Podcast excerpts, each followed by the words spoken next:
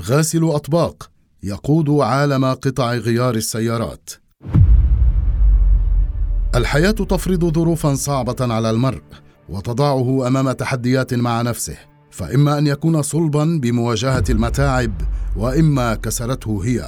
تولي أية وظيفة وبغض النظر عن المعايير التي وضعها المجتمع عن تصنيف الوظائف هو دلالة إصرار على بذل الجهد لكسب لقمة العيش. وهكذا كان شهيد خان. شاب طموح لم تردعه المعايير الاجتماعية ولا خيبات الأمل من فعل أي شيء لتحقيق أهدافه. أثمان النجاح غالية وهي تكلف المرء تعبا واملا وعزيمة. فما كانت الأثمان التي دفعها خان ليلاقي نجاحا ما بعده مثيل. تعرفوا معنا أكثر على قصة نجاح المهندس الملياردير الباكستاني. بدأت رحلة خان من لاهور الباكستانية التي ولد فيها عام 1950 حيث كانت ملامح رائد الأعمال تبرز على الطفل الذكي الذي استوحى بداياته من والده وهو تاجر معدات بناء وتشييد. كانت عائلة شاهيد متواضعة الحال وأصرت على أن يتابع ابنها تحصيله العلمي. أمضى طفولة مثيرة للاهتمام فكان يؤجر أصدقائه القصص الملونة التي يمتلكها ويبيع أجهزة الراديو. وكان والد الأخير فخورا به ويقوم بتشجيعه مما عزز لديه الرغبة في أن يدخل مجال التجارة وريادة الأعمال في المستقبل.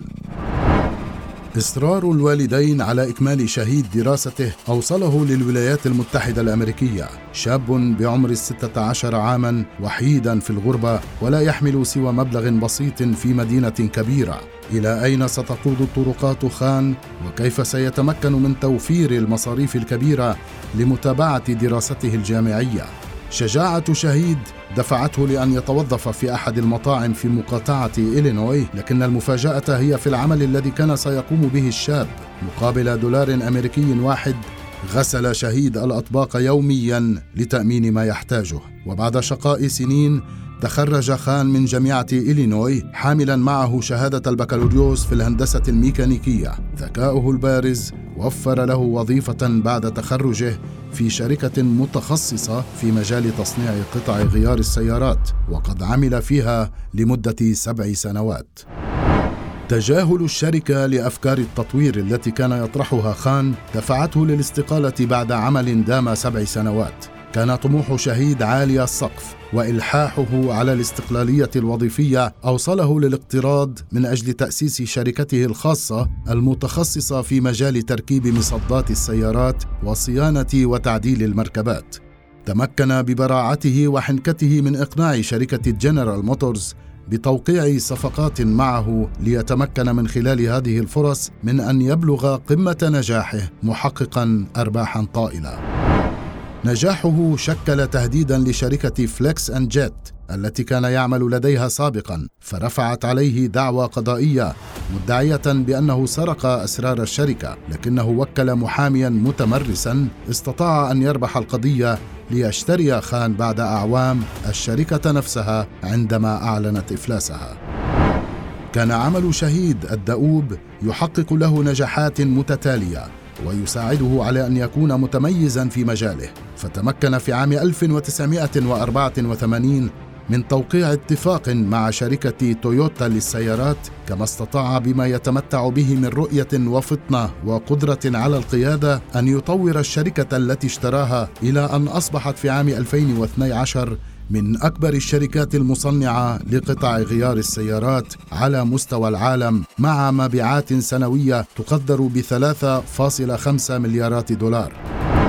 بالإضافة إلى كل تلك النجاحات المتوالية استطاع شهيد الحصول على عقود لتوريد جميع الشاحنات اليابانية التي تصدر للولايات المتحدة الأمريكية. كان العمل الشاق الذي بذله خان سره في هذه المسيرة التي أصبحت مصدر إلهام لأهل بلده الأم باكستان ولكثر من حول العالم. أوصلت هذه المسيرة التي تخللتها ليال طويلة من الجهد والتخطيط المستمر شهيد إلى أعلى المراتب في قوائم أغنى أثرياء العالم. وحاز بذلك على جوائز منها قيادة الأعمال الصغيرة بالإضافة لتكريمات عديدة من جميع أنحاء العالم.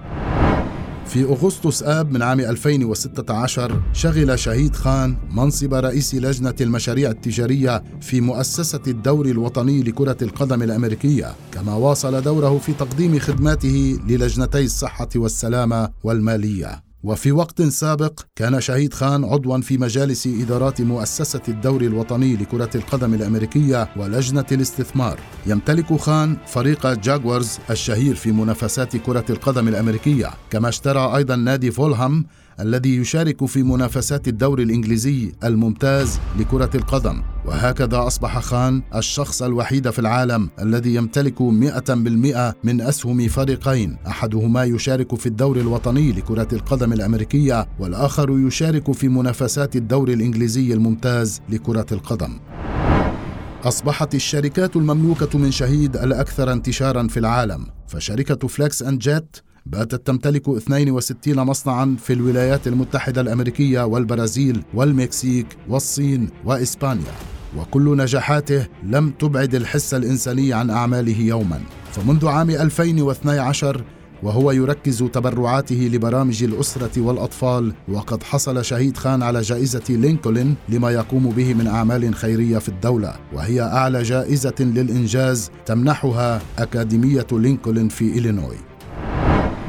هذا الشاب الذي وصل لبلد غريب وهو لا يملك سوى ملابسه فقط عمل في توصيل البيتزا وكبائع في إحدى شركات التنظيف لكي يتمكن من أن يتابع دراسته فيحقق مراده ويؤسس شركاته التجارية الخاصة به. مهارات خان أوصلته لقمة النجاح والريادة في مجال قطع السيارات وجعلت أكبر الشركات في العالم تتنافس بين بعضها لتعقد صفقة معه. رجل الأعمال الناجح هذا كان في الأساس طفلا شغوفا ومن ثم شابا ناجحا فعدم خضوعه للظروف التي فرضت عليه أتاحت لابتكاراته بأن تنتشر حول العالم. يعتبر خان في حديث له أن الحياة عبارة عن رحلة مستمرة من التعلم وبأن النجاح غالبا ما يأتي عقب الفشل. وأنتم اليوم تملكون كلمات مفاتيح لرحلة خان من لاهور الباكستانيه نحو العالمية. لذا لا تترددوا يوما بأن تبذلوا قصارى جهدكم لأنكم ستحصدون ما تتعبون.